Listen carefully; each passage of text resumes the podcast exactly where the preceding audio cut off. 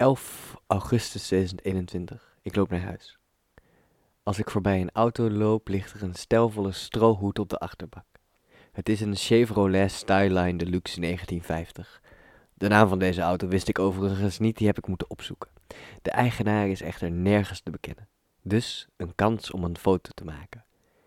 Ik vraag me af, wie zou er in deze auto rijden? En wat voor een persoon zou het zijn? Ik graaf mijn herinneringen af naar hints om een antwoord te vinden. Ik denk aan een soort minuscuul tweedehands winkeltje in Tilburg. Misschien ligt daar het antwoord. De openingstijden van de winkel lijken lukraak. Ik herinner mij de vele keren dat ik enthousiast naar de winkel toesnelde om van de koude kermis thuis te komen. Alles wat ik kon doen was staren door de ramen, één hand op het glas om te kijken wat er allemaal achter verscholen lag. Maar op een miraculeuze dinsdag was het dan een keer zover. Tussen 3 uur 12 en 4 uur 57 was de winkel dan echt geopend. Precies op dat moment liep ik langs. Vet toevallig. De winkel, als ik mij deze tenminste goed herinner, stond tot de nok gevuld met prularia. Maria-beelden, Jezus-prenten, antieke objecten waar het nut niet meer van gezien wordt, prenten van dieren.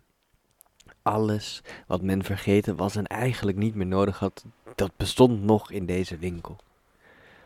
Achter in de lange ruimte stonden gigantische bakken, vol met oude foto's. De bakken waren, compleet in stijl van de winkel, alleen te vinden als men zich door de muren van spullen had heen gewerkt. En eenmaal daar achteraan kwam men oog in oog met het verleden. En dan heb ik het niet over het verleden wat wij allemaal kennen. Nee, daar spreek ik niet over. Ik bedoel pasfoto's, dik, versleten, trouwfoto's, jurken die je nu niet meer kan vinden, klassenfoto's, zeeën van gezichten, landschappen van plekken waar nu huizen staan, of toen stonden en dan weer opnieuw zijn opgebouwd. Op deze stapel vond ik ook foto's van een straat, ergens waar ik het niet meer ken. Ik zie het voor me de oude auto's, de zee, de mannen in stroeve pakken, de vrouwen in wijde rokken. Ik bedacht mij dan dat ik daar zou zijn.